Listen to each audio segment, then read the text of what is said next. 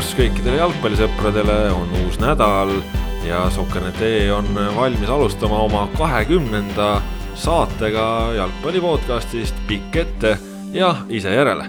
pärast väikest pausi olen stuudios tagasi mina, Kaspar Elisser ja täna on koos minuga siin Kristjan Jaak Kangur.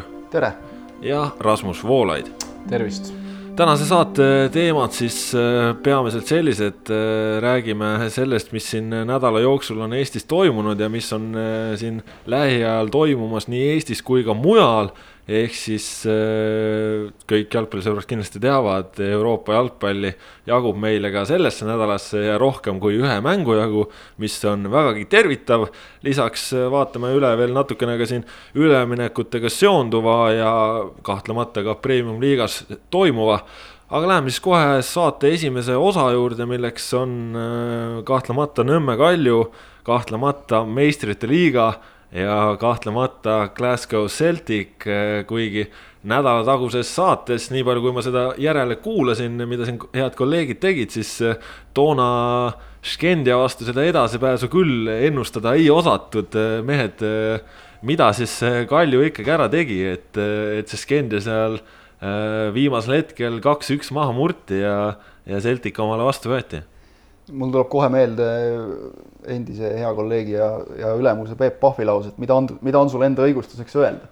ehk, ehk et tõesti, me olime väga skeptilised kuidagi kogu nende euromängude asja suhtes, aga, aga ausalt öeldes ei, ei ole vahel nagu ajakirjanikuna toredamat asja, kui tõestatakse, et sa ei tea mitte midagi sellest ja, ja positiivses plaanis, et et noh, ma arvan, see käib nii Kalju kui Flora kohta tegelikult noh, võita võib mitut moodi. Aga minu ja minu meelest suur tunnustus mõlemale klubile on see, et äh, ega see ei tulnud mingi tohutu, ütleme, geniaalse sähvatuse või, või mingite meeletute oskuste pealt, see tuli tarkuse pealt. Kalju mängis nii nagu, nii nagu nad mängisid. Esimest mängu, millest meiega oleme oma saates ka juba rääkinud, äh, mängisid äh, tegelikult ilmselt ainuvõimaliku taktikaga mõtestatult, targalt kaitsest lähtuvalt, äh, Flora kordusmängu mängis täpselt samamoodi ka. ja noh, loomulikult peab jah, natukene õnne ka olema, aga noh, Kaljul ise tegid omale selle õnne, ega see, et Peeter Klein niimoodi kannaga edasi lükkas ja Lilju oli õiges kohas, ega see ei ole õnn, seal peab olema ja seda peab oskama, samamoodi Flora puhul, et äh, noh, me ju teame, tavaliselt on selge, lüüakse sulle esimene värav lõpuks ära võõrsil ja noh, korras, lagunemine. ma arvan, et nii mõnigi eeldas, et et, et kui üks-null lõpuks tuli, et siis tuleb varsti ka kaks-null ja, ja kolmas ja tehtud. Florakatel olid hoopis teised mõtted ja, ja suudeti ka sellest ehmatusest, mis kaasnes, kaasnes Nishi Radniški teise väravaga, suudeti ka üle olla.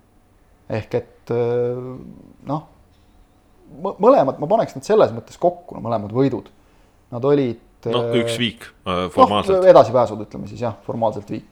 aga, aga võidutunne oli ta kindlasti et äh, treenerid olid teinud kindla konkreetse plaani, suutnud selle mängijateni viia ja mängijad pidasid sellest ka väga hästi no ikkagi sisuliselt algusest lõpuni perfektselt kinni. Rasmus, äh, mis tunne sinu sees valdas, kui sa nägid, et äh, Liilu lõi kaks-üks? ma olin väga õnnelik Enda õigustuseks, kui siin sellest ka rääkida või natukene, ütlema seda, et kui meie ei uskunud, siis ega Kalju vist ise ka ei uskunud, kui nüüd viisaprobleemidega nad ka ju ei, ei tegelenud enne võitu, vaid ikka pärast võitu hakkasid tegelema alles. et, et ka seal, seal nagu vist, vist väga ei usutud siin edasipääsu, aga tõesti. Pavel Londakut tahaks eraldi kiita, võib-olla, et hämmastav, hämmastav kindlus on seal, Kaljul oli seal Škendia koduväljakul taga ja sealt see kõik algas, et kui, kui poleks Londak tassinud, siis ega siin ründajatel ei oleks midagi, midagi teha olnud, aga, aga Londak tassis, tekkis see võimalus viimaste hetkedeni ikka, ka pärast seda väga ebaausat penaltit minu arvates, mis, mis Škendiale määrati. jahiti, jahiti, jahiti ja tuli ära ka no see on tegelikult päris kummaline, et äh, Kalju vastu kaks sellist äh, päris kummalist penaltit äh, määrati mõlemas mängus, noh, samas me teame, et ega Euroopal, Euroopa selle taseme jalgpall ei ole kindlasti see, kus nagu tasuks mingisuguseid hämaraid asju öö, eeldada vast. aga, aga lihtsalt äh, tundub siis nii, et, et karma ikkagi siis aitas Kaljut lõpuks, et üritati nende elu raskeks teha, aga, aga tulid auga välja ja tulid auga välja olukorras, kus siis tegelikult liigas on sel hooajal mängitud alla ootust, eks sellest jõuame ka hiljem rääkida, aga Kalju igatahes tõesti võõrsile selle võidu sai ja, ja sellega siis äh, tagas omale reisi kolmapäevaks äh, Šotimaale Glasgow'sse suure-suure Celticuga seal mängitakse. Celtic on äh, maailmas kindlasti väga armastatud klubi paljude jalgpallisõprade hulgas, kindlasti on ka Eestis inimesi, kes mäletavad ja, ja hindavad Glasgow Celticu suurust kui sellist, samas mehed äh,, Glasgow Celtic, kui te võtate selle satsi omal nina ees lahti, siis äh, kas see on äh, ületamatu võistkond? ma ütleks, et äh, Celticust rääkides, siis ilmselgelt kest on suurem, kui on sisu praegusel hetkel, et äh, et noh, keskmine jalgpallisõber, no mõnda nime seal kindlasti, Tom Rogicit ja selliseid mehi võiks teada, aga aga ütleme, seal ei ole staare. Võib kõrvale panna Frankfurti Eintrachti, eriti muidugi eelmise aasta koosseis, siis äh, Eintrachti puhul on kest väiksem, sisu selgelt suurem kui, kui, kui, kui Celticu puhul, et see, seal on nagu pöördvõrdeline see asi, ehk siis no kui kummalgi on võimalusi, siis kindlasti Kaljul on võimalused suuremad. aga need on väga väiksed Kristjan Jaak, sind on ootamas ka komandeering äh, Glasgow's, ei ole lihtne see reis sul seal ees ootamas, aga no kergem kui Kaljul, mul ei ole viisat vähemalt vaja, aga ütleme nii, et ega Orgunn nagu väga palju lihtsam ei, ei ole, sest nagu ikka need asjad on viimasele hetkele, noh, need jäävad, sest see selgub nii viimasel hetkel. sa ei uskunud ikka üldse? ma ei uskunud üldse, mul ei olnud jah, piletid ostetud enne juba. ülemus aga... oli puhkusel hea ja.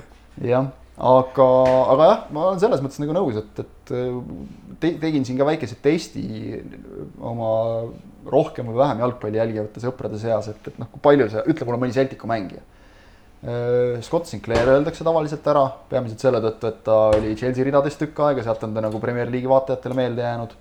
Äh, siis äh, Greg Gordon võib-olla samamoodi väravavaht. Noh, tõesti, nagu sa ütlesid, Tom Rogic, võib-olla seal mõni mees veel, kapten Scott Brown, kes on veits hull peast, jääb sellega meelde, temast on igasuguseid toredaid videosid Youtube'ist leida, aga, aga noh, need, need on ka need inimesed, kes tõesti jälgivad pidevalt jalgpalli, et, et et tõepoolest see Celtic noh, paratamatult pärast Äh, Glasgow Rangersi korraks all põhjas ärakäimist läks ka Celtic lahjemaks. Sest et lihtsalt see Šoti liiga konkurents äh, mingil määral langes, eks peatreener äh, Neil Lennon ilmselt on kõige, kõige tuntum neist, aga, aga tõepoolest noh, see on, see ütleb, ütleme nii, et väga keeruline on ette kujutada seda nüüd, kui me, kui me isegi vaatame natukene kaugemale ette, kas või sellele Tallinnas toimuvale kordusmängule, et, et kui palju siis näiteks neid Celticu fänne siia ikkagi tuleb. Et see, mis toimub noh, koha peal Celtic Parkil, noh, seda me näeme kõik, me näeme ka muidugi seda absoluutset koorekihti, me näeme seda, seda, seda terbit, eks ole, mida tava, millest noh, oleme ausad, ega tavaliselt ju muidu Šoti liigast, kui meil seal mõni oma mees ei mängi, ega me väga nagu juttu ei tee Eestis. ehk et sportlikus mõttes ei ole absoluutselt mingit küsimust minu meelest. Frankfurdi Eintracht on Bundesliga seitsmes klubi Euroopa liiga poolfinalist. See Bundesliga seitsmes koht oli minu arust ikka ootamatult madal koht. jah, see oli isegi nagu veidi üllatav, no eks nad pididki ennast jagama nagu Euroopa liiga ja liiga vahel ja siis ta vahel nii läheb, Bundesliga oli oli seal tabeli keskel minu mäletamist mööda suhteliselt. väga vähe ei, nelja, neljandast kohast jäi väga Just. vähe puudu ja mõned. et noh, ta võiks olla ka ütleme neljas koht noh, ja, ja noh, ütleme Bundesliga esimene pool on selgelt ikkagi, see on ülikõva klubi. aga, aga Celtic muidugi noh ütleme, ta on atraktiivne, meil on Eesti klubidel on siin olnud aastaid seda ebaõnne, et isegi kui saad edasi, siis saad endale mingi sellise vastase, kes noh, on nagu liiga kõva, et neid võita ja samas ta on ka täiesti ebaatraktiivne, et ta isegi noh, ütleme isegi näiteks Cervena Zvezda noh, Eestis ei, ei kõneta eriti kedagi, võib-olla isegi kusjuures äh, äh, vene rahvusest inimesi ja noh, nagu seda slaavi jalgpalli jälgijaid, võib-olla neile isegi ma olen aru saanud, et neile see on nagu kuidagi noh, tähtsam, sest nad on rohkem sellest Balkani jalgpallis kodus, eestlaste jaoks see on nagu kuidagi täitsa kuskil noh, mängivad ka okei okay,, tore. Kuigi tegelikult tegu on väga suure ja, ja tähtsa ja kõvade saavutustega klubiga ka, ka Euroopa kontekstis. aga selles mõttes Celticu tulek, noh, see jah, muidugi ta on tore, aga, aga ma väga loodan, et avamängu tulemus on selline, mis jätaks esiteks sportliku pinge loomulikult õhku ja teiseks tooks siia Tallinnasse ka ikkagi võimalikult palju Celticu fänne ja muidugi siis ka võimalikult palju Eesti fänne seda vastasseisu vaatama, see tuleneb jälle sellest esimesest punktist. no tõesti, see mäng ju, mis siin kodus äh, toimub, see on tõesti alles siis ju nädala pärast äh, teisipäeval äh, mitte siis selle nädala teisipäeval, vaid nädal hiljem. Ja, ja kui me vaatame seda, et mis tingimusi täites siis staadionile pääseb, siis väga palju on nendest piletihindadest siin juttu olnud piletihinnad siis sellised, et äh, kes on väga kiire, see saab veel viieteist euroga omale pileti kätte, kes on natukene aeglasem, see saab kahekümne ja kahekümne viie euroga ja, ja kes on äh, selline viimasel hetkel otsustaja, see peab välja käima kolmkümmend viis eurot, äh, mida ei pea isegi Eesti koondise mängudel maksma. Kalju on väga hästi siin selekteerinud praegu selle, et, et kui sa usud siis sa Kaljusse, siis sa ostad pileti ära, sellepärast et, et need kõige soodsamad piletid tuleb ära osta enne esimese mängu toimumist, ehk praegu on viimased päevad. et selles mõttes kiitus, kohe on nagu selge, kes usub, kes mitte.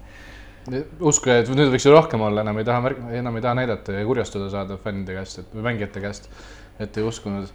ma kardan, et neid väga palju ei ole siiski, sest äh, ma pelgan, et see natukene see kolmkümmend viis, noh, eestlane kipub olema natukene ikkagi selline, me teame seda kasvõi koondise mängudelt, noh, isegi see pisiasi, et, et sada korda on räägitud ja ikka tullakse viimasel hetkel kohale ja ollakse veel mängu alguses värava taga ja kõik, et see jalgpalli vaatamise harjumus just sellisel noh, suurel täisstaadionil meil on natukene lapsekingades. et, et ma kardan, et noh väga paljud on ikkagi need, kes, kes teevad sellise viimase hetke spontaanse otsuse, eriti praegu suvel, vaatavad ilma, noh, mida iganes kõike ja, ja neid inimesi meelitada, et noh, tule mängule, okei okay,, võime minna. palju pilet on? kolmkümmend viis. no ma ei näe, et neid väga palju oleks. et ma kardan, et siin on natukene vinti üle keeratud, et ütleme, kui see pilet oleks noh, ma ei tea, kakskümmend sinnakanti. Kalju muidugi noh neil on õigus teha seda, nad on seda teinud ju ka liigamängudega, nad hoiavad selles mõttes oma joont, et neil on ju ka liigamängudel on eelmüügist, ma saan aru, mis selle mõte on. elavdada eelmüüki. ma ei ole lihtsalt isiklikult sada protsenti kindel, et, et see nüüd noh, elavdab kõige paremini, aga mul ei ole näiteks ligipääsu kasvõi nendele samadele Eesti liiga numbritele või, või praegu nüüd sellele, kui palju on eelmüügist ostetud, et võib-olla see töötab ja noh, kui nemad seda kasutavad, neil on see õigus, et, et ma nagu selles suhtes ei ei, ei ütle midagi, aga noh, minu isiklik arvamus on see, et kolmkümmend viis väravast on selgelt liiga palju, nagu sa ütlesid, see on üle koondise mängupileti. ja, ja mulle tundub, et sellistes mängudes noh, võime korraks hüpata Flora juurde, eks ole, kes noh, sisuliselt sellega võrreldes ei küsi üldse mitte midagi, küsib sümboolset summat ainult.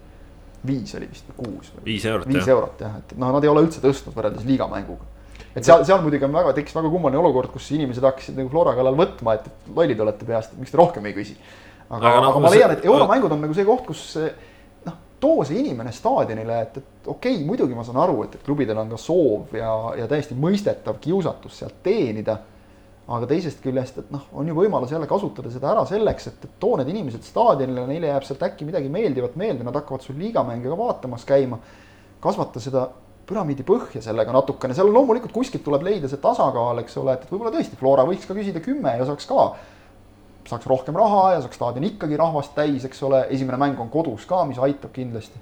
aga et noh, ma, ma, ma ei, ma ei tahaks näha, miks ma seda juttu räägin, ma ei tahaks näha Kalju kordusmängus äh, pooltühjasid tribüüne kas no me... pooltühjasid on ju, ma arvan, igal juhul no, põhjust näha, sest äh, Lilleküla, Lilleküla staadion mahutab viisteist tuhat ja natuke alla, siis neliteist tuhat viissada on see umbes see ametlik number või neliteist tuhat kuussada.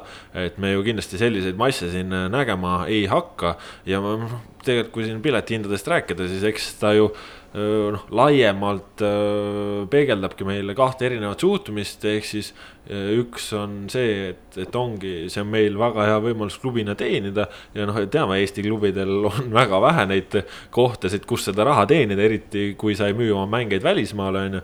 et siis, kus sul need sissetulekuallikad tulevad ja siis ongi, noh, tulebki ajalooga klubi ja selles mõttes ju arusaadav, et siit on, on võimalik raha teenida ja noh, majanduslikult ju arusaadav otsus ja noh, samas siis risti vastupidine, Flora, kes, kes siis noh, ütleme, et nagu näeme, et nemad eh, ei arvesta seda eh, piletitulu või, või sellist eh, ei pea nii oluliseks siis enda jaoks, et siit oleks vaja teenida, vaid pigem siis üritavadki sellise suursündmuse tuua kätte oma kogukonnale võimalikult suurele, üldse Eesti jalgpallikogukonnale võimalikult suures mahus aga kas ma eksin, kui kuskilt jäid silma numbrid, et esimeses mängus oli Kadriorus vaatajaid tuhat kuussada ja Lillekülas Niširednitskit tuhat kakssada. Ehk siis juba seal ju küsis Kalju tegelikult suuremat summat, ma ei mäleta, mis see täpne hind oli, aga aga kindlasti ei küsitud viis eurot selle mängu eest. ja seal oli mitmed, mitmed sajad inimesed vist isegi jäid, jäid, noh, see klassikaline probleem, tulid, ei saanud sisse sealt Kadrioru staadionist piisavalt kiiresti ja jäid eh, mängu algusest ilma, aga aga, aga siin on ka see vahe ikkagi ilmselgelt, et üks mäng on meistrite liiga ja teine on Euroopa liiga ja meistrite liiga kõnetab ka inimesi rohkem kui, kui, kui, kui Euroopa liiga. jah, aga ma, ma toon siin Kalju kiituseks välja selle, et kui sa rääkisid kogukonna kasvatamisest, siis minu teada ka Kalju jagab pileteid oma klubi liikmetele ehk noh, lapsed vanematega, tulge mängule no,. see on see täielik superasi. see on, see on väga viis pluss, nii peabki tegelikult täpselt ja noh, vot kui me paneme selle sinna kõrvale, siis on jällegi see, et, et noh, okei okay,, et sa nii-öelda omadele jagad niisama ja siis äh, teistelt üritad siis see kõlab nagu jube halvasti, et üritad teiste pealt teenida, aga see on tegelikult täiesti aus asi, et noh, nii see käibki, aga lihtsalt ma leian, et, et noh, ütleme kakskümmend viis oleks natukene selline kuidagi talutavam, talutavam number kasvõi vastu võtta, aga, aga noh, mine võta kinni, Kalju on siin väga lennukalt ka Metallikaga võrrelnud oma, oma mängu. kuuskümmend tuhat siis äkki üldse? Jah, et noh, väikseks jääb need staadion, tuleb juurde ehitada, aga Metallika pilet oli, ma ise ei käinud. see oli ikkagi kaks korda rohkem. see oli kaks korda rohkem, eks ole, et noh, näed, siis saame päris soodsalt nagu kätte. ma natukene pelgan seda, et, et tavalise inimese jaoks võib-olla Celtic ja Eintracht ei ole noh, nad ei ole ikkagi nagu Barcelona ja ma ei tea, Manchester Unitedid ja asjad, et, et noh. no mitte ainult tavalise inimese jaoks, mitte ühegi inimese jaoks nad ei ole sama no.. no just, aga ma mõtlen tavainimese jaoks see töötab, et noh, jalgpallifänn tuleb, ta saab aru, et need on kõvad klubid ja kuulab meie saadet ja saab sellest veel rohkem aru ja tuleb ikkagi. ehk et noh, mida me saame öelda, on, ongi just see, et, et, et noh, tegelikult ikkagi arvestades nagu Eesti mastaapi, tegu on väga kõvade klubidega, tulge vaatama leidke see võimalus, sest et nagu siin just on, just, just sai räägitud ka, et, et ega alati nagu ei õnnistata Eesti klubisid esiteks edasipääsuvõimuga ja teiseks ka sellise loosiga. Tegelikult need UEFA potid on kuidagi sellised vähe kummalised, et sul ei ole seal nagu tegelikult üldiselt väga palju variante, et, et Eesti klubidel tihti ongi variant saada just täpselt mingisugune Balkan või noh, ütleme noh, Põhjamaad on ka olnud variant siin, praegugi oli vist võimalus äh, AIK saada ja, ja Karol Mets, et ei, ei tulnud, et noh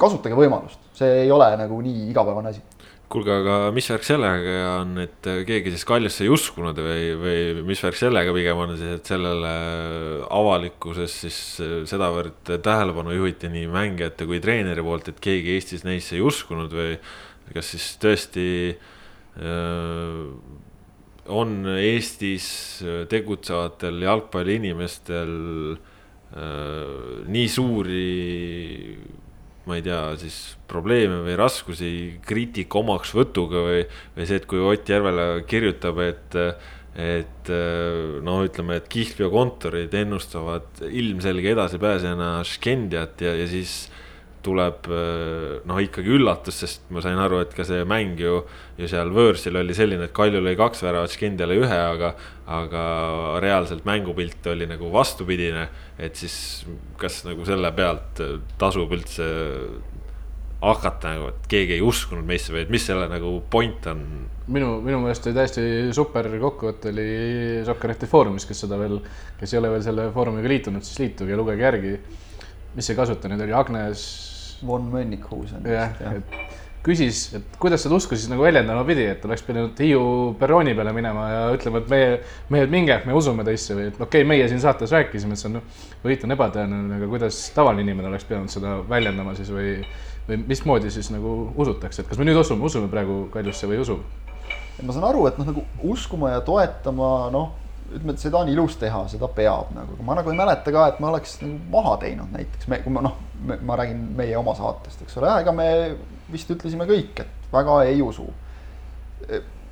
Kalju selle hooaja mängupilt, esimese kohtumise mängupilt, need olid need põhjused, miks oli raske uskuda, ma arvan, et sisimas me kõik ikkagi lootsime küll, sest et noh siin on no, tekkinud, muidugi... tekkinud see küsimus ka üles, et, et kas Roman Kožuhovski näiteks ütles, et temal ei ole probleemi panna Flora sall kaela ja, ja minna, minna staadionile Florat toetama ma arvan, et Neil Lennon äh, Rangersi salliga ei lähe eriti avalikku kohta. ma arvan, et ma ei näe Celtic Parkil, ei näe ka Steven Gerrardi Celticu salliga seal. ilmselt jah, ei, ei, ei tule ta sellele mängule niimoodi kaasa elama, et, et kui kuskilt loožist võib-olla isegi vaatab, aga noh, kindlasti mitte, mitte salg, salgaelas, et, et noh, Eestis noh, ja, ja võib-olla Eestis ei olegi vaja nagu hakata seda niimoodi vägisi taga ajama seda, et, et et, et kui vihkad, siis kõiki ja nii edasi. et, et, et see, see nagu, see nagu iseenesest minu jaoks on noh igaühe enda otsustada täiesti puhtalt, kes tahab, toetab kõiki, kui on, ütleme, Flora sellised. ei, aga küsimus ei ole ju isegi toetamises, selles suhtes see on ju loomulik, et äh, iga Eesti inimene võib-olla hinges tunneb, et, et muidugi, et ta loodab, et see edasipääs tuleks või noh, võib-olla mõni ultrafänn siis loodab, et ei tuleks, et ta on ikkagi suur rivaal. aga noh, ütleme, et ka eks ilmselt ju ka ajakirjanik hinges ju loodab, et see edasipääs tuleks, aga see, kui ta oma tööd tehes vaatab reaalselt olukorrale otsa ütleb, et, et see ei ole väga tõenäoline ja siis ikkagi see asi juhtub, et mis see siis, et see ongi ju ajakirjaniku töö, et kui jalgpallur mängib sitast ja siis ta tulebki kirjutada ja öelda, et mängiski sitast ja see ei ole koht, kus jalgpallur peaks võtma hinge või, või hakkama, et kurat, nüüd ajakirjanik kirjutas hoopis sitast, et noh, see. tuleta mulle meelde. elu ongi selline. jah, tuleta mulle meelde, millal viimati Eestis on äh, konkreetselt nii kirjutatud, et, et keegi mängis no mängis mina, väga, isegi. mina ükskord kirjutasin väga, väga reljeefselt ühe euromängu järel ja seejärel tulid ka no, tagajärjed, aga noh, see selleks, et eh, noh. kusjuures see on selles mõttes nagu hea näide, et, et noh, see tegelikult nagu tagantjärgi, kui reljeefselt sa siis ikka kirjutasid minu mälu järgi, et, et sa ei. sa, sa kritiseerisid, aga sa ei öelnud halvasti, et, et noh, ma tean, paljude jaoks on nüüd see, et, et noh olen viimasel ajal puutunud kokku sellega, et vahinguse ajakirjanik kasutas oma positsiooni ära ja avaldas enda arvamust, see ei lähe mitte et noh, siis olete te ilmselt nagu saanud asjast väga valesti aru, et, et loomulikult arvamus ja fakt peavad püsima lahus, aga praegu selles saates näiteks siin noh, me ei saa esitada valefakte, küll aga oleks see saade suhteliselt nüri, kui me ei esitaks oma arvamust. ma arvan, te olete ka nõus. et ühesõnaga, ma soovitaks kokkuvõtvalt suhtuda natukene klubidel ka rahulikumalt, Eesti meedia Just. üldiselt ei ole aldis eh, sportlasi ma tean, paljud vaidlevad vastu, tegelikult noh, jah, vahel läheb ka üle piiri, aga näiteks jalgpallis ei kiputanud ka üleliia kottima. Kalju kriitika Kalju suunal leian jätkuvalt esimese mängu järel ja selle hooaja järel on olnud õigustatud, samas Roman Kožuhovskil on tegelikult temast on normaalne öelda, et mina uskusin kogu aeg, mina olen oma meestega kogu aeg rahul, sest et kui sa hakkad kritiseerima neid avalikult, siis kandub see edasi meeskonda, see ei ole hea. kui Ott, tänu Ott Järvelale pääses äh, Nõmme Kalju meistrite liigas edasi, siis siis on ju super. aga et, et ma, ma ei, ma soovitaks lihtsalt mängijatele, ärge võtke, vaadake ja lugege, kui tahate, ärge võtke hinge, need on ju kõigest ka meie arvamused ainult.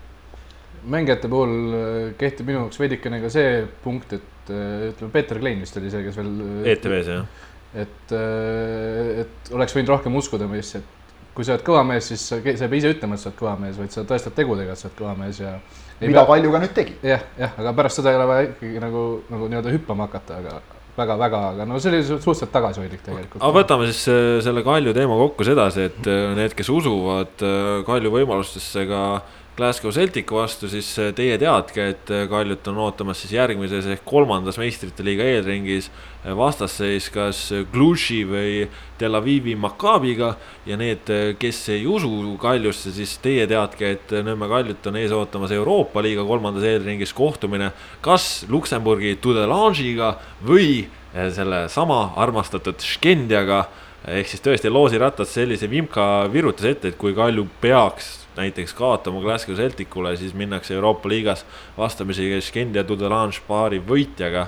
nii et on äh, võimalik mis, uuesti nende samade meestega madistada. mis on minu hinnangul äh, lausidiootsus selles suhtes, et äh, UEFA on mõistlikult väga palju sättinud seda viimastel aastatel, et noh, ütleme Ukraina ja Venemaa konfliktid ja igasugused sellised Aserbaidžaan, Armeenia, et, et need seal kokku ei satu, see on väga mõistlik, see on normaalne, no, no mis takistaks lisamast punkti, et äh, meeskonnad, kes on sel hooajal juba Euroopas korra kohtunud, need uuesti ei kohtunud, minu jaoks see muudab asja nagu täiesti totraks, et mis siis, mis siis nüüd on, et noh, ei tulnud esimene kord välja, proovime uuesti või no sisuliselt, sisuliselt on, aga noh, seal on ju ka seda loogikat näha, et ehk siis Euroopa liigas ikkagi eh, pannakse kokku need riikide meistrid, kes on eh, Champions League'ist välja kukkunud, ehk siis seal nagu üritatakse tekitada loogikat, et see, kes saab nii-öelda teise võimaluse, et siis ta saab selle teise võimaluse omasuguste seas, mitte ta ei, mitte ta ei hakka kellegi teise teekonda lõhestama. Champions path ja main path, ma saan nagu sellest aru, aga. ühte meeskonda või seda ühte paari ei ole võimalik raske sealt nagu ära võtta. seda küll, seda küll et noh, tobe on ta nii või teisiti. aga, aga, aga mis puudutab nagu sportlikku poolt, siis selles suhtes on Kaljule väga hea loos, et noh, Skendia, nagu nägime, on võidetav Tudelange, ma arvan, on ka võidetav, sest tegelikult Tudelange mängis eelmises ringis Valletaga ja enamik eeldas, et sealt läheb Tudelange edasi, kes on ju tegelikult eelmisel hooajal jõudnud alagrupi turniirile, alagrupi turniirile, mis on ikka ülikõva saavutus. aga sealt noh, hakkame mõtlema, et ütleme, okei okay,, tõesti nüüd, kui, kui kõik läheb nii nagu skeptikud arvavad, ehk siis Kalju langeb sinna Euroopa liigasse, mängib siis seal emma-kummaga vahet pole kummaga, mõlemad on täiesti mängitavad ja siis äh, on play-off ja siis olekski alagrupp. et me oleme siin kogu aeg rääkinud, et kui kaugel see on nii ja naa, et ei ole üldse nii kaugel tegelikult. ei ole üldse kaugel, aga räägime mõned sõnad siis ka sellest äh, teisest mängust, mis siis sel nädalal Eestis toimub, Flora ja Frankfurdi Eintracht, äh, sakslaste hiid, me põgusalt oleme siin neid asju juba rääkinud ka ja, ja Kristjan, sa ütlesid saate alguses ka just seda, et oli imekspandav, kuidas Flora siis ka pärast sellist kerget tagasilööki ei surnud ära nii-öelda nagu on nendel ajalooliselt äh, kavas olnud või, või traditsiooniks olnud, vaid tõesti mängiti väga hästi välja ja lõpuks veel nõelati ja, ja kaks-kaks viik sealt ja. No ma arvan, et me peame siin saates ka ikka selle välja ütlema, et äh, Konstantin Vassiljev seob selle meeskonna ikka nii kokku ja ta annab mänguplatsi väliselt vast, et isegi rohkem juurde, sest need mehed on ju samad, aga see enesekindlus ja see usk on ikka täitsa teine asi. no ja kui sa poleks ise temast rääkima hakanud, ma oleks ise praegu Kostjaga välja toonud, et paljuski tänu sellele ühele üleminekule, kus nad tõid seal ülemineku akna lõpus Konstantin Vassiljev endale, ma arvan, Flora selle pika euro mõõna lõpetas, sest no, jah, uskumatu mees on see Konstantin Vassiljev selle, selle nurga alt, et ta on nii kogenud ja, ja nii kuidagi tark jalgpallur, et ma arvan, et ta vajutab ainult, ainult, ainult õigeid nuppe seal Flora trennis ja ja ma arvan, köögis igal pool, igal pool ta annab tõesti nagu juurde, et ükskõik, kõnnib, kõnnib koridoris ja ütleb Sorgale kaks õiget sõna või mis iganes, noh.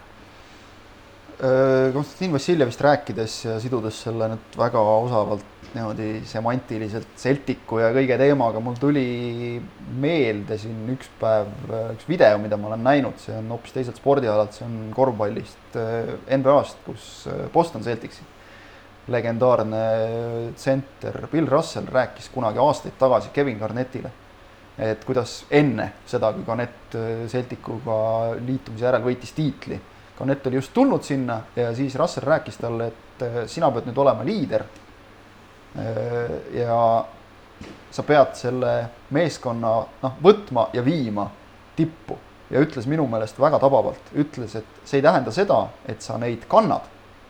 aga see tähendab seda, et sa paned nii-öelda käed neile kõigile õlgade ümber ja viid nad koos sinna, kuhu on vaja viia.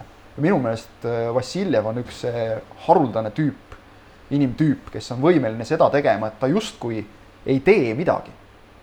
aga ta teeb neid pisikesi asju niivõrd palju, et need kokku annavad täpselt selle tulemuse, et noh, mille poolest Flora noormängijad või mille pealt Flora noormängijad on teinud hüppe edasi, minu meelest just selle teadmise, usu, enesekindluse pealt, see jutt algas ju tegelikult kohe, kui Vassiljev tuli.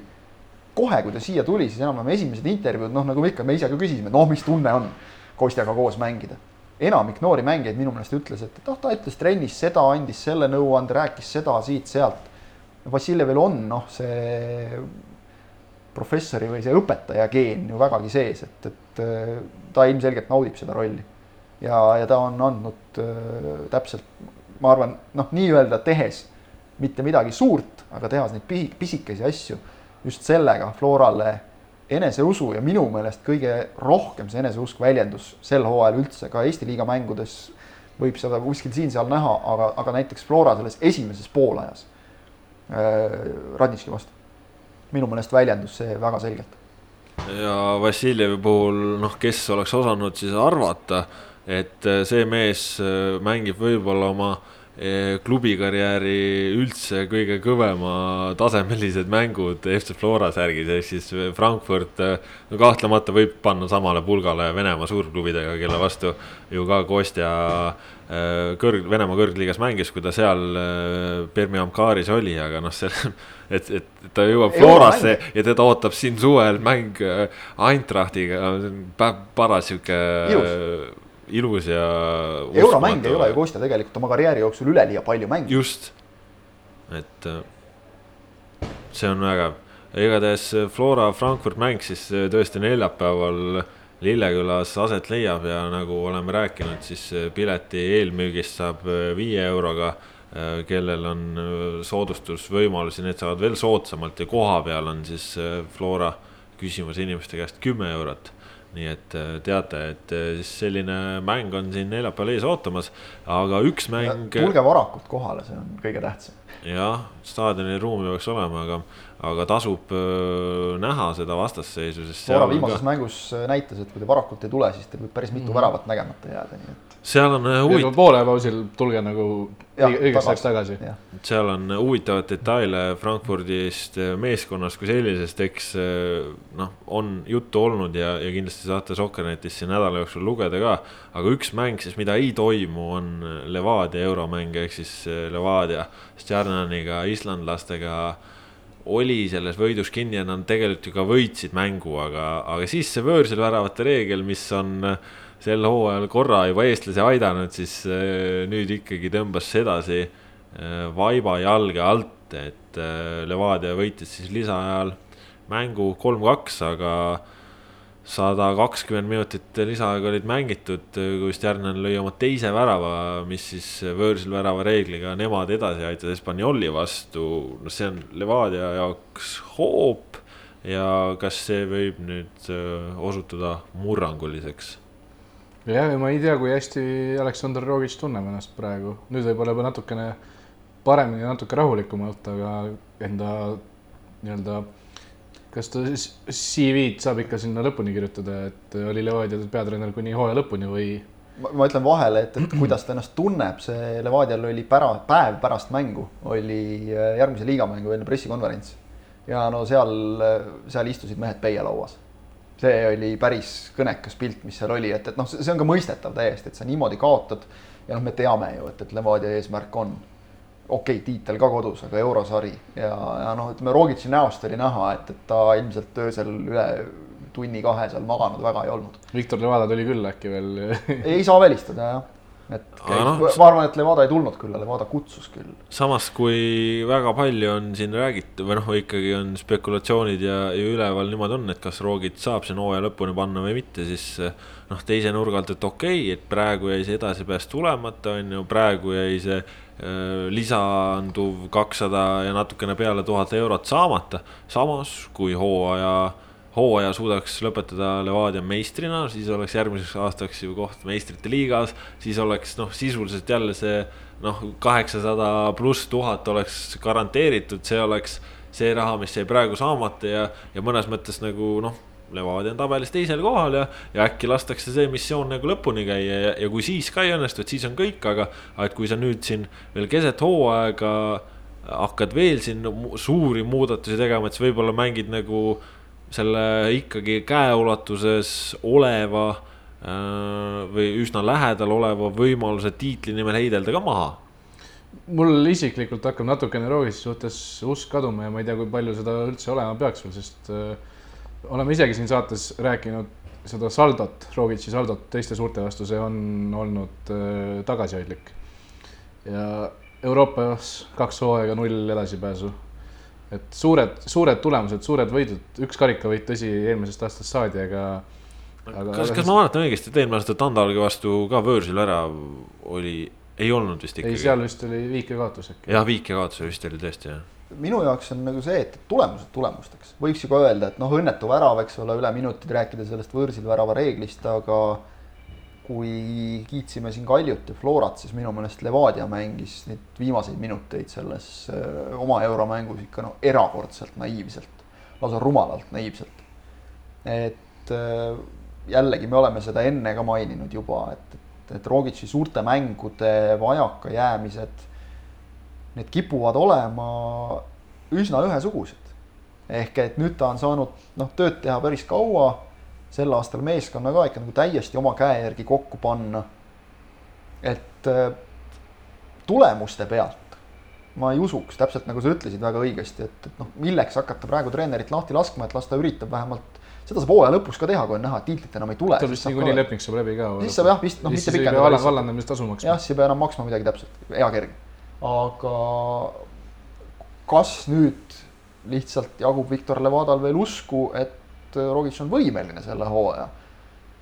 veel isegi me ei saa praegu rääkida ju üldse mingit äh, tiitlivõitluses püsimisest, sinna tuleb tagasi trügida, viis punkti on vahet no viis punkti on kaks no, võitu oma, omavahelistes mängudes. okei okay., aga noh, ikkagi kogu aeg on Levadia olnud tagaajaja rollis. Tegelikult isegi hooaja algusest peale, kui mingitel hetkedel vist minu meelest isegi väravate vahega tabelit juhiti Flora ees ja, ja mindi seal ju võrdselt. see ei olegi tähtis, tähtis on see, et Flora oli veenev, Levadia alati ei olnud. oli mingites mängudes, siis vajus ära jälle. ja see, et, et nüüd jälle Euroopa liigas joosti ka samasuguse reha otsa, et, et noh, lihtsalt ma ikkagi julgen öelda, see on võib-olla jälle väga valus kuulata mõnele mängijale ka, et ikkagi oma, oma rumalustest anti, nii, nii kogenud mängijad peaksid teadma, kuidas selliseid lõpuminuteid mängida, see ei ole koht, kus lasta tsenderdusi kasti või, või üritada mingit rünnakut mängida või mingit söötu lükata või siis ka lihtsalt peksta kogu aeg palli out'i, et vastane saaks selle sealt jälle mängu panna, et, et noh, see oli nii naiivselt mängitud. No, no ja, ja samas ikkagi Kur... jäeti, jäeti ka ise oma asjad lõõmata, Kandolgi kasvõi oli seal. Kando oli väga vahvatu selles mängus. Tal oli lõpus seal veel suurepärane võimalus, mille ta lõõmata jättis ja ise ei löö. see on, kõik on sellised asjad, mida just tagasi tulles Flora juurde, Konstantin Vassiljevi olemasolul ei oleks mitte kunagi selliseid probleeme. ükskõik, mis sellised pingelised mängu lõpud on, kui hea võimalus Kostjal oleks palli kasti lükata, et ma ei tea, Sorga või Sinjavski või keegi läheks üks-ühele, ta üheksakümmend pluss, ta ei pane kunagi seda palli kasti, ta läheb alati nurgarippu juurde ta hoiab seal selle minuti või ükskõik kui kaua seda palli ja, ja Flora on võitnud, nad ei anna kontravõimalust ja, ja nii edasi. Seda me oleme väga palju sel hooajal näinud, kuidas see, kui targalt äh, saab üks mees mängida. see oli vist selles samas äh, Flora kaks-üks võidus äh, seal Sportlandi hooaja alguses Levadia vastu näiteks. elav näide oli sellest, aga, aga Levadia andis selle võimaluse ja. ärme unustame seda, et Rogic on olnud väga kogenud meeste juures abitreener peatreeneri kogemust tal üleliia palju tegelikult ei ole. no ainult Eestist. seda ja. ta on ise ka toonitanud hooaja alguses, hooajalses eelvaates, kui ma selle jaoks rääkisin temaga, siis ta ütles, et ütles ka, et ma olen kogenud treener, aga ma olen noor peatreener. võib-olla see ongi see põhjus, miks Levada annab talle aega. aga noh, see, ma arvan, on umbes üheksakümmend üheksa koma üheksa protsenti kindel, et kui Levadia meistriks ei tule, siis Rogicile uut lepingut ei pakuta siis minnakse kuskile mujale. praegu muide eh, Eesti koondis on teinud eh, keeruliseks. ehk siis noh, ütleme, Karel Voolaid on süüdi selles, et Viktor Levadal on valikuid vähem. kuivõrd Voolaid valis Eesti koondise abitreeneriks eh, Vladimir Vassiljevi, keda ei saa edutada selle tõttu Levadia esindusmeeskonna peatreeneriks, sest noh, need kaks ametit, need ei, on liig selgelt ühele mehele siis äh, ega ei ole väga palju häid valikuid ka, ega meil Eestis ei ole võtta, noh jah, Igor Prins. U kakskümmend üks, Prins ütleks ära, ma arvan. kuule, aga siin me läheme, läheme praegu natukene juba utoopiasse, nii et räägime parem sellest, et kui ühe mehe leping, lepingulised tulevikud ei ole võib-olla kindlad, siis äh, vahepeal siin nädala jooksul on päris mitu meest Eestist omale lepingu taskusse ka saanud. alustame kõige põnevamast persoonist Uus-Meremaalt tulnud. ütle välja.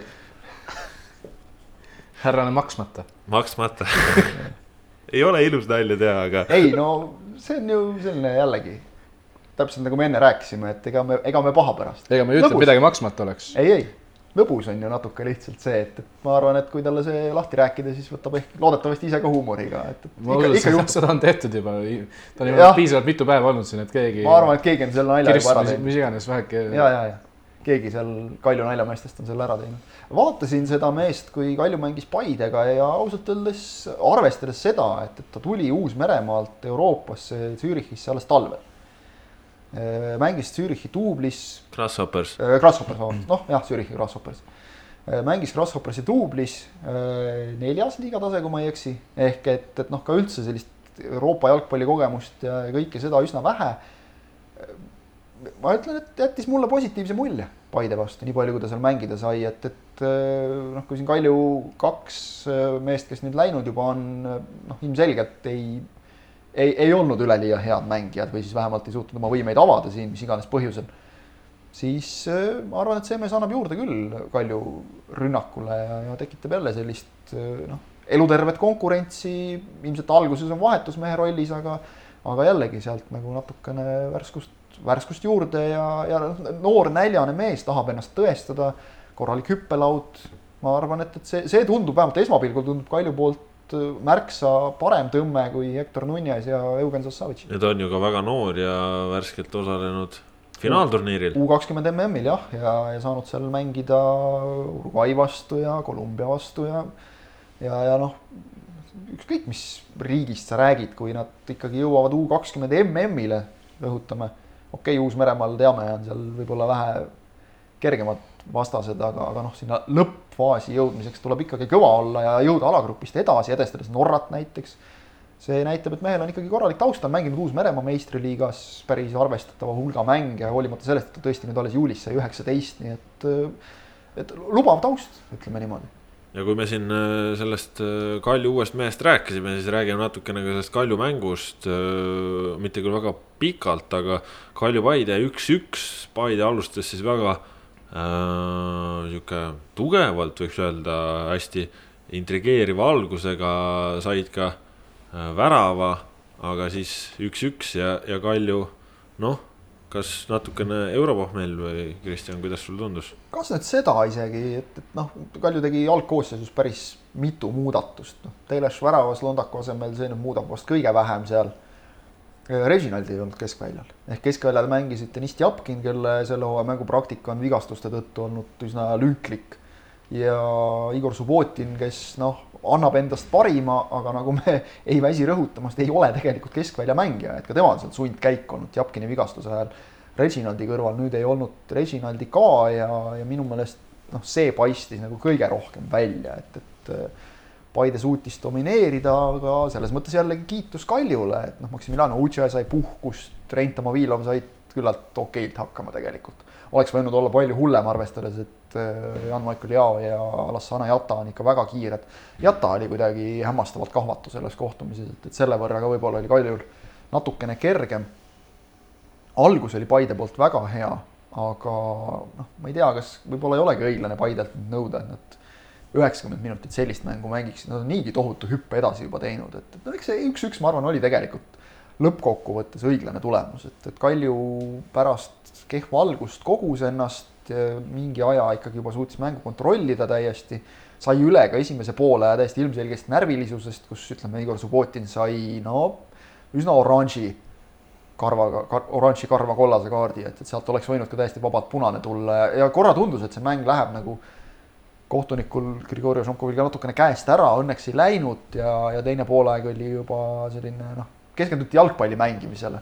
ehk et õiglane tulemus, ma arvan, ja noh, natuke ka selline, mis mõlemale sobis, et, et Kalju, ma arvan, et noh, võtab selle viigi vastu, okei okay,, kolmas viik järjest. aga no oleme ausad, nad ei, ei püüa ikkagi naljata enam Florat ja, ja Levadiat, seal, seal peab ikka jälle imesid tegema ja teised mõlemad peavad komistama. oleks üks, siis veel, aga Paidega on nad ühel pulgal ja ütleme, et noh minimeeriti kahjusid selle mänguga. täpselt see, Paidega on siis samade punktide peal, Paide on nendes praegu omavaheliste mängude edu tõttu, ehk siis hooaja alguses võideti Kaljut, on neist ka ees. ja Paide ikkagi nädala kõige suurem põmakas tuli sealt ära, Siim Luts, Eesti koondislane Tšehhist tagasi liitunud siis Paidega ja ütleme, et, et ma ise küsisin Paidelt juba siin äh, mõned ajad tagasi, et kas on äkki väikest äh, üleminekut, uudist oodata Siim Lutsu suunas, siis toona oli veel vastus, et, et Luts esiteks on veel vigane ja, ja tahaks jätkata välismaal Äh, praegu on reaalsus see, et ta on endiselt veel vigane, tõenäoliselt alles sügiseks saab mängima. Aga ikkagi noh, oligi siis raske oli selle praktika puudumisel siis välismaale saada. praegu Paide pakkus oma tuge ja, ja mees on kodumaal ja noh, see on küll ikka üks vägev lüke ei no ta on, kui ta saab terveks, saab vähegi selle Eesti koondise viimase aja Siim Lutsu tasemel, siis ta on Premiumi liiga noh, okei okay,, Vassiljev ja Reginald ja nii edasi ka, aga ikkagi ma ütleks praktiliselt parim mängija, vähemalt oma. top kolm mängija kindlasti. jah, ta on ikka, ta oli ju tihti, kui ta mängis, ta oli koondisest praktiliselt parim mees. parim mees, jah. ja, ja kui ta sedasama hoo saab üles Paides, siis noh, kui ta, kui ta praegu oleks selles vormis tulnud, siis ma võib-olla ei välistaks, et Paides veel saab äkki Flora Levadia kätte ka, aga, aga noh, nii hästi vast sel aastal ei lähe, aga järgmisel aastal, kui Paide jätkab sama ambitsioonikalt, siis no miks mitte ise seal kahe suure hulgas ka olla või noh, nende, nende ju kõrval. Ma arvan, et Paidele piisaks täiesti tänavuse hooaja koosseisu koos hoidmisest lihtsalt, noh, seda ilmselt muidugi ei juhtu, sest no, et välismaalased lähevad kuhugi edasi. nojah aga..., aga kui ääre pealt mõni välismaalane ära läheb ja tema asemel on Siim Luts, siis ma arvan, pigem võidetakse, et äh, Siim Lutsu kvaliteet praegu kõikides nendes välismaalaste omast on, on ikkagi tugevam vast jah. jah, aga ei, see on noh, see on selles mõttes loogiline tõmme tõesti, nagu sa ütlesid, et, et äh, Lutsul ma õigesti aru sain, siis ka oli sellest vigastusest paranemisega väike tagasilöök ja, ja kahe, kahe poole aastane leping, see on muidugi natukene noh, ütleme, üllatav, meeldivalt see üllatav. räägib äh, endiselt, kui ambitsioonikas klubi Paide on. Luts on ka ju lisaks, mitte selle, lisaks sellele, et teda hoitakse siin võib-olla nii pikalt on ta võimalik, võimalik müügiartikkel ka, et veel siin raha summa, korraliku summa eest tagasi välismaale. no me ei tea muidugi ka, mis klauslid on lepingutes, et võib-olla kui tuleb välismaalt pakkumine, siis saab kuidagimoodi minna ja nii edasi, aga ma usun, et Paide tahab noh, mingi raha tema pealt taskusse panna, see on mõistlik ja, ja noh, Luts on ju, ütleme, tal on Paidega see emotsionaalne side, eks Luts ole. Luts on KTM. jah, ta on KTM, täpselt see, muide, see ei ole tegelikult üldse Paide jaoks ebaoluline, sellepärast et Paide KTM-e on, on üpris vähe.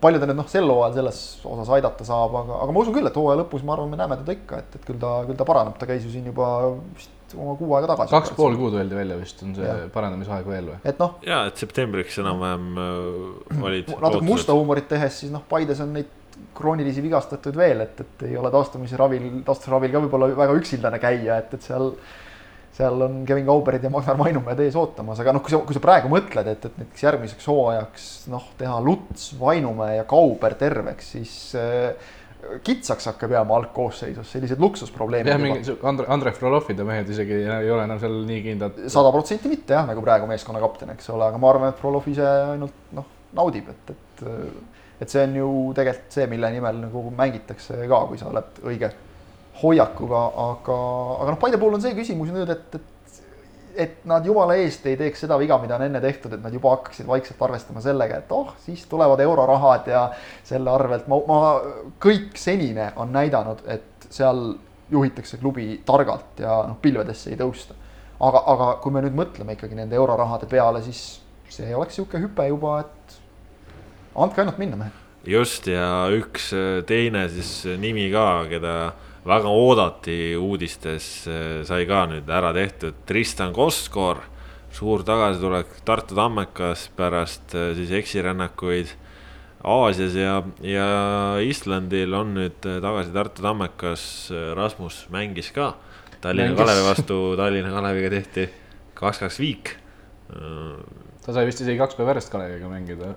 ja kummalgi päeval väravat ei löönud ja no ma seda füüsilise vormi kohta ma ei oska nüüd öelda, kui see ei, ei oska nüüd selle kahekümne kolmekümne minuti peale öelda, kui heas vormis ta oli, aga aga palliga mäng tõesti, olen nõus Tristani endaga, et vajab, vajab veel lihvimist. vajab veel lihvimist, aga, aga ütleme, kuidas sulle tundub kas ta annab Tammekale selle tõuke, et ütleme, et Tammeka ju oma väikese tõuke siin viimasel ajal on saanud ja on hakatud justkui mängima ja seal on ette ka uued mehed kerkinud, kes on midagi teinud, aga et kui palju siis nüüd Koskor ju vedanud, kas see Narva Trans saadakse kätte? no nii-öelda jätkates musta huumori lainel, siis tuli Koskor tagasi, tuli ka ikkagi päris korralik tagasilöök tulemustes. Kalevi, Kalevi kaks korda on võidetud sel aastal, nüüd Koskoriga viigistati, aga ei, ta annab selles suhtes kindlasti juurde, et äh, pingilt ju ründajaid ei olnud seni võtta põhimõtteliselt. ja nüüd ma arvan, et äh, ta veel mõneks ajaks pingile jääb, kuna Reinkord Uljanov Äh, Veelmaa, sellised mehed ees on olnud ikka päris, päris heas hoos. Giulianov on tegelikult tihti pingi pealt sekkunud, ründesse juurde lisakäigu andnud, aga, aga Koskor äh, on ikkagi, eeldan, et jääb veel mõneks ajaks pingile, aga, aga, aga hakkab lööma ka. aga mis siis Kalevi vastu juhtus, et äh, seal Kalev tegi ju see... Vase Musa Alli isikus vist, mida ise tahtis. Kalev oli parem meeskond väljaku peal ja kohtuniku otsused ka soosisid väga selgelt. kui ei ole näinud, siis vaadake video pealt, vaadake, vaadake kõigepealt seda, mille eest sai Tammeka penalti ja vaadake siis seda ka, mille eest jäi Kalevile üheksakümmend pluss üks andmata. ma arvan, et seal võib-olla isegi ei ole küll kohtunik, aga ma, aga arvan, et võib-olla mõned, mõlemad otsused olid valepidi ja ja Tammekal vedas, et sealt üldse punktiga tulema, tulema pääseti, sest aga see penalti olukorras tõmmati jalga ju. noh, jälle see klassikaline, et, et mängid nagu palli, samal ajal teise jalaga tõmbad jalad alt, aga noh, see selleks. no las see jääb siis. las see, see, see on minu meelest selline viiskümmend, viiskümmend, et noh, las kohtunik. no ütleme, see on viiskümmend, viiskümmend, aga see, mis no andmata ei olnud viiskümmend, viiskümmend. Teko käsi kastis, see. aga see, see löök oli raami. see löök oli raam ja käsi oli- oli, käsi oli kehast eemal. oli eemal või? no niimoodi oli, noh, kes siin näeb, siis ma näitan, et see on kehast eemal. Okei, kuidagi niimoodi. et no nojah. veebikaamera üles panema nagu siin et- parematel, aga me jõuame sinna no,, meil on re-, meil on alles, mis meil on kahekümnes saade Jah,. me, me- me areneme vaikselt. me ei ole veel nii prominentsed, et võiksime teha live lindistusi Jah. me, auditooriumiga me ei ole veel nii kuulsad. aga vist jah, noh, ütleme nii, et ei olnud selle vooru kõige sellisem vastuolulisem penalti otsus. no aga räägi ära siis, mis see kõige vastuolulisem oli no kõige vastuolulisem oli ikkagi, oli see trans tulevikumängus ja, ja okei okay,, võib vaielda seal, kus tulevik ise tahtis penaltit saada ja ja, ja võimalik, et noh, et reeglid on siin muutunud, et tunnistan täiesti ausalt, et ka ise eksisin ülekande käigus, et tõepoolest uutes reeglites on eraldi nüüd sätestatud see, et kui mängija libistab ennast mööda muru, toetab käe maha keha ja muru vahele ja pall tabab seda kätt, siis see ei ole penalti. Minu jaoks isiklikult noh, okei okay,, kui see on reeglites nii sätestatud, siis oli see tegelikult õige otsus. minu jaoks isiklikult on selles mõttes selle otsuse viga see, et antud juhul eh, tulevikumeeste sööt keskele tõesti tabas niimoodi palli peale libistanud Iiri kätt ja sellest käest põhimõtteliselt, noh, see käsi peatas palli tegelikult. palli teekonna värava ette, kus väravavaht oli olukorrast väljas ja kus esimesena oleks ilmselt pallini jõudnud tulevikumees ja lükanud ära. et noh, see on nagu natukene ebaõiglane, aga okei okay,, kui see on reegel, siis on reegel eh,. otsus, mis on nüüd ka üle vaadates ja järele mõeldes endiselt. meil siin taustaks. meil on taustaks loodushelid, aga las need olla, sellepärast Jaa. et No öelda, me oleme siin- ikkagi amatöör podcast, teeme siin omade vahenditega ja, ja kui on ikkagi. töö käib, töö käib, siis nii on lihtsalt. nii on. me jah, vabandame kuulajate ees, aga, aga loodetavasti teiegi olete tööd armastavad inimesed. See töö käib siin väga ülla eesmärgi nimel. just, aga jätka, Kristjan. jätkates selle jah, tööga, mis, mis Narvas käis, siis äh, noh, ma, ma ei näe nagu kuskilt nurga alt õigustust äh, sellele penaltile, mis anti Narva Transile esimese poole lõpus ja mis ei olnud no kohe mitte mingi otsa nurga alt penalti, et, et kohe kuskilt otsast ei olnud, et äh, näis, et selle andis mitte peakohtunik Roomer Tarajev, vaid abikohtunik Egert Pajustik. see olukord, kus äh, kukutati Erik McWoods oli karistusalast vähemalt meeter väljas, kui mitte rohkem, ehk et noh, kes on meie ülekandeid vaadanud, see teab, et vahel on selliseid olukordi raske hinnata, sest et kaamera asub keskjoonel, no sellest keskjoone kaamerast oli näha nagu üliselgelt ilma, ilma isegi kordusteta, et, et see ei olnud karistusalas sees. Asja huvitav nüanss on muidugi see, et, et ku- kumba nüüd meeskond eelistab, kas seda, et äh, mängija kukutatakse, tuleb penalti, kuna topeltkaristust nüüd ei rakendata, siis tuleb selle eest kollane kaart, kuna tõesti üritati palli mängida ja mängija saab, kaitse saab jätkata ehk jätkatakse üksteist üheteistkümne vastu, üks meeskond lööb penaltit, lööb selle sisse. või siis see variant, et penaltit ei tule, tuleb karistuslöök, aga niisugusel juhul on sada protsenti punane kaart see, sest ilmselge väravavõimaluse ärahoidmine ja meeskond jätkab kümnekesi terve poole. ehk et noh, ütleme, ma ei suuda seda nii elegantselt sõnastada nagu kolleeg Ott Järvela, aga, aga ütleme, et vaadates, millist reeglit tulevik selles olukorras rikkus ja millise karistuse nad said, siis noh, kokkuvõttes nagu õiglane, aga see ei nulli ära kohtunike jämedat pläkki. aga see, aga see tundus, tundus tõesti, et see nii palju, kui ma seda äh, olukorda video pealt nägin, et, et see ikkagi oli jah, puhtalt abikohtuniku suunis, sest äh, Roomer Tarajevi käsi läks ju alguses äh, tagataskusse kust oleks tulnud siis punane kaart, aga, aga ta viivitas, siis äh, näitas penaltipunktile ja tõstis teisest taskust hoopis kollase. noh, me oleme vahel rääkinud, et kui sa nagu ei, usk on tänase saate selline kandev sõna, et kui sa ei usu oma abikohtunikku ja ei usalda teda, siis, siis ei ole nagu mõtet üldse seda asja teha. Et noh, siin võib-olla minu meelest noh, mulle tundus Tarajev olevat niivõrd heas positsioonis, et, et oleks sealt võinud ka teha siis selle oma otsuse, aga, aga noh, jälle me oleme siin praegu juba rääkinud ei tea mitu minutit, Tarajevil oli seal mõni sekund aega selle otsuse tegemiseks. et nii ta lihtsalt on, ega midagi parata pole, noh teistpidi võib öelda, et oligi selline vigu täismäng, see, et Transi kaitse lasi Kaimar Saagil kolmekümne seitsmendal sekundil juba ära lüüa. täpselt kolmkümmend seitse sekundit läks ka Martin Milleril eile teise poole alguses. No vot, täpsed mehed, tuleb kiita. aga samamoodi Karl-Romet Nõmm ju lasi noh, ikka ülilihtsa palli näppude vahelt väravasse ehk et noh, jällegi kohtunikud eksivad, mängijad eksivad, lihtsalt esimeste vead on rohkem luubi all, ega midagi teha ei olegi, et, et see kokkuvõttes see oli üks vahva jalgpallimäng, et noh, mõlemad olid tulnud nagu mängima ja väravaid lööma ja ja tulevikule muidugi valus, et neil tuleb nüüd päris, päris hirmus seeria, seal vist põhimõtteliselt kõik neli tippu, eks ole, järjest. et, et oleks hädasti mingeid punkte vaja olnud, teisalt noh, transimeeste näost seda rõõmu oli näha, et, et kui sa oled seal ikkagi öö otsa olnud kõigepealt paar tundi ühe piiri peal, siis paar tundi teise piiri peal ja siis varahommikul saad, eelmise päeva varahommikul saad magama ja siis pead kuidagi taastuma sellest euromängust ja reisist ja, ja jumal teab millest ja siis tuled ja võtad ikkagi üle mitme kuu oma esimese võidu, siis loomulikult tõmbab su nurgad ülespoole, et et, et kui sa siin enne küsisid just, kas Tammeka Transi võib püüda, noh eile nagu Trans eilses mängus näitas küll seda klassi, mis peaks tõstma nad ikkagi viiendaks, aga noh. no Transi, Transi klassi ju kiitis ka nende vastane Budusnosti peatreener, kes ütles ka, et nende sealses liigas oleks tipp-topp sats. no need on niisugused mänguvälised jutud ka. no aga vähemalt ütles, vähemalt ütles noh. ja vähemalt ütles ja, ja ütleme jälle, ütles Joosep Saliste pärast eilset mängu, et, et kui ta nagu mängis Budusnosti vastu ja vaatas nüüd siis ütleme neid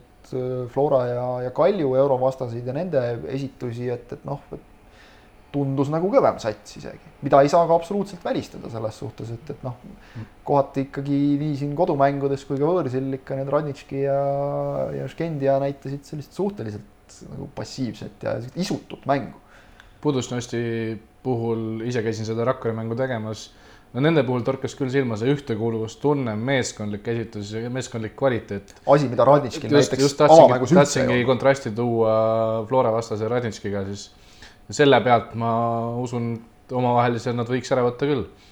Škendia vastu ma ei tea, aga miks mitte ka seal, jah.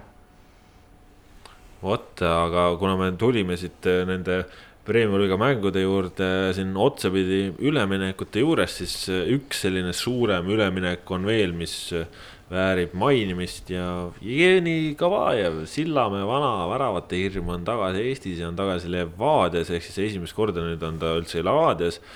eks teame, et Tallinna satsid teda noolisid juba enne seda, kui ta siirdus Tšehhi Praha Bohemiansi, enne teda juba, enne seda juba teda nooliti, aga nüüd on siis lõpuks Tallinnasse meelitatud ja ka debüüt tehtud mängus Kuressaare vastu, mis võideti noh, okeilt kindlalt kolm-null, seal Kabajev veel väravat kirja ei saanud, aga, aga oli ikkagi aktiivne ja, ja kuidas selle uudise vastu võtate, et selline väravkütt nüüd Levadial tagasi on ja, ja mida see näitab Levadia nii-öelda hooaja sihtide osas, et ütleme, et eurosarjas teda ei saadud veel kasutada ja enam ei saada üldse kasutada eurosarjas, sest eurosarjast langeti välja.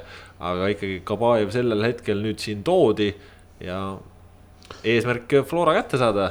ja tahaks teada, kas, kas ja kui palju on seotud see, et Moreno ei ole väga mängima hakanud siin või on? Äh, tead, Moreno viimased. eile vist, eile vist juba mängis natuke. ja minu arust mängis ka Stjarnani vastu vahetusest tulles ikkagi päris juba soliidselt, et see esimene mäng äh, Flora vastu, seal ta oli tõesti selline natuke, et ei saanud nagu aru päris täpselt, kus ta on ja mis ta teeb, aga. aga Stjarnani vastu oli juba hea, andis seal väravasöödu ja, ja, ja eile andis ka väravasöödu ja ma ei tea, Moreno ikkagi tundub jalgpallur. ei, seda ma usun jah, et kui Levadia päris sellist meest põõsast ei kutsu endale, aga, aga et kas siis oligi plaanis tuua kaks ründajat veel juurde sinna ühe Putniku asemele või, või või, või kui palju, kui palju need seotud on, sest nüüd on seal ju kolm meest, Nikita Andreev ka veel. no Kando tõenäoliselt antakse ära, nüüd võib vist juba päris.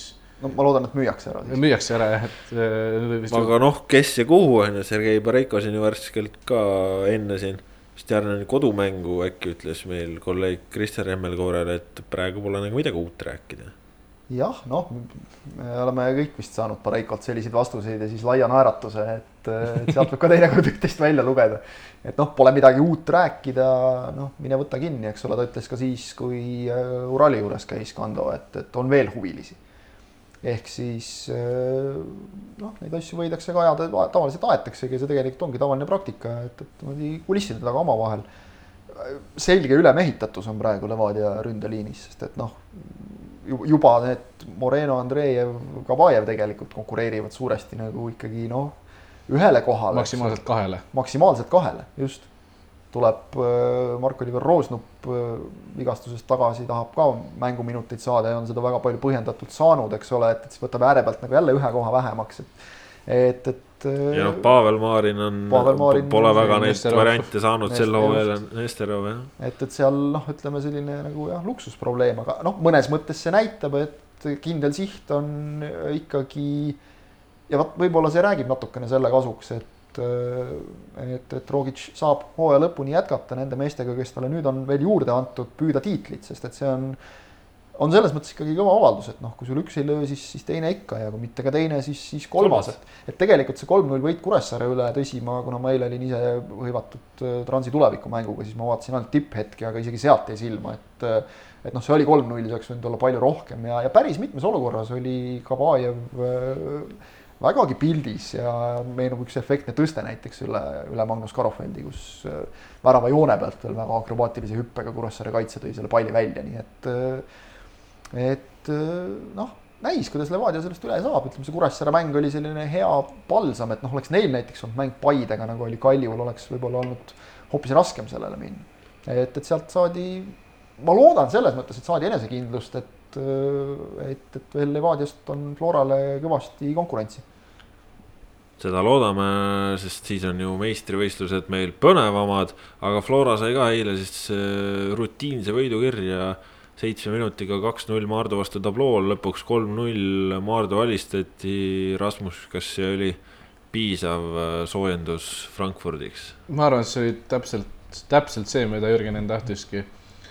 esiteks pool meeskonda sai puhkust, Kostjat polnud üldse. mina ise oleks arvanud, et rohkem mehi saab puhkust, sest noh, Miller sai üheksakümmend näiteks, Sorga sai üheksakümmend, oleks arvanud, et võib-olla seal Lepikule antakse pool tundi näiteks lõpust või midagi sellist ja ja kaitseliinis oli ainult Martin Kuusk puhk-, sai puhkust, tema asemel oli Marko Lukka. Kams tuli kuuekümnendal ära. no oleks, oleks roteerimist rohkem oodanud, kuna vastane oli ikkagi Maardu, aga see selleks.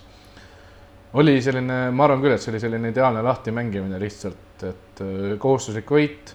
mingid mehed said siin natukene, natukene proovida ennast. Miller ütles ka, et see oli täpselt niisugune paras lahti, lahti jooksmine ja ja ma arvan, et äh, täpselt seda see oligi noh, mäng, mis tehti ära seitsme minutiga, eks ole, ma sain just äh.... kommentaatorile muidugi see kõige suurem. ja ei, ei ole hea kõige parem mäng, mida kommenteerida. sain, sain ise just ühte sõpra noomida, kes ka kirus, et, et, et vist oligi kahe esimese värava ajal ei olnud veel tribüünile jõudnud ja teise poole alguses oli vist ka veel, tuli oma topsiga kuskilt ja, ja nagu sa ütlesid ka. kolmkümmend seitse sekundit. võib-olla oli kolmkümmend kaheksa. nojah, ja, ja tehtud, et äh, olge, kui olete tulnud staadionile, siis olge nagu tähelepanuga asja juures, muidu jääb päris palju nägemata, et käid mängul, löödi kolm väravat, siis küsid, mitut nägid, mitte ühtegi. mul, mulle meenub sellega alati Paide linnameeskonna üks karikamäng, mida kolleeg, kes ka siin ruumis istub ja mitte sina, Kristjan Jaak, pidi tegema Martin Kasele seal esimesel minutil oma värava. kuna Kasper ei olnud veel staadionile jõudnud, sain ise seda mängu alustada laivülekandega. Kasper tuli umbes neljandal minutil ja ei näinud seda Martin Kase legendaarset oma väravat. üle, ja mäng vist jäigi üks-null äkki. Õnneks pärast sai videot vaadatud jah, aga. no see jah, seda said eurospordist vaadata, läks kaugele vot, aga nii palju siis möödunud mängudest ja üleminekutest ka, eks neid siin on tehtud mõned pisemad diilid veel ja neid üleminekuid ma julgen öelda, et et saame äkki midagi ikkagi siin veel näha siin nädalate jooksul, no ütleme, et siin väga palju, väga palju, väga palju jäänud pole. igasuguseid huvitavaid kõlakaid olen juba Just. kuulnud ka ja teie ilmselt samamoodi, et, et kui, kui, kui läheb asjaks, siis, siis need on, on põnevad. ehk pinge üles. jah, ja, ja tegelikult seda pinget on tõenäoliselt oodata ka natukene siis suuremal tasandil või natukene ka, et võib-olla väljaspool Eestit toimub ka midagi seoses eestlastega. ja nii edasi. mis asja? Neimari üleminek. noh, see on välismaa asjad, need välismaa asjad on kellegi teise asjadega. aga räägime natukene ka sellest, mis meid on ees ootamas, ehk siis premium-liigaga on nüüd sellised lood et premium-liigas lükati mänge edasi, kuna siin euroedud järgnesid kahel klubil, siis uuel nädalavahetusel ootab meid ees ainult kolm mängu. Paide Tammeka, Maardu Trans ja Tulevik Levadia. ja see, et siin lükati veel natukene mänge edasi, tähendab ka seda, et kõik head fantasy sõbrad äh,. Fantasy mängunädal koosnebki kolmest matšist, see tähendab, äh, et pole sel nädalal oma võistkonda mõtet valida mängijaid Florast, Kaljust, Kuressaarest või Kalevist, sest nende mänge praegu lihtsalt ei toimu, need toimuvad kaugemas tulevikus ja need mängud siis eh, hiljem eh, on liidetud mõne teise mängunädala juurde ja see tähendab, et peate olema väga tähelepanelikud, eh, mõtlema ja vaagima, kas teete üleminekuid või kuidas te oma koosseisu kokku panete, aga selline force majeure on aset siin leidnud ja, ja selle nurga alt siis tõesti äh, tuleb äh, kõvasti pead nuputada fantasy sõpradele, aga noh, võib-olla jälle mõnele sellisele mitte fantaasia mängurile nagu sihuke natukene lihtsam nädalavahetus, et äh, kolm mängu Premium liigas, see on sihuke hea lihtne jälgida. vist on ka niimoodi, et kõik on eraldi päevadel ja ei ole kattuvaid mänge ja eriti hea, äkki saab kõik, kõik Premium liiga mängud ühel nädalavahetusel ära vaadata isegi koha peal. just, ja vot sellised olid need äh, tänased äh, suuremad jutud. kui teil on meile küsimusi, tahate midagi teada või midagi, et me arutaksime siin saates, siis nagu ikka, kirjutage, joonistage meile, saate meiega ühendust, kas saates kasvõi e-kirja uudised, et sokkernet.ee, kirjutades meile Sokkerneti Facebooki, kirjutades äh, selle podcast'i artikli kommentaariumisse Äh, võite kasutada Twitteris teemavõidet äh, pikk ette ja kindlasti leiate ka muid viise, kuidas meieni küsimusi esitada. võite isiklikult staadionil juurde astuda ja küsida näiteks. jah, võite ja kui te tahate siis toonitada, et see on väga oluline, et see ka saates saaks vastatud, siis võite ka seda teha. igatahes äh, olge meiega, siis oleme meie jälle ka teiega. selline oli kahekümnes saade, saate tõid teieni Rasmus Voolaid, Kristjan Jaak Kangur ja Kaspar Elissaar aitäh, et olite ja kuulmiseni juba siis, kui on jälle nädal aega möödas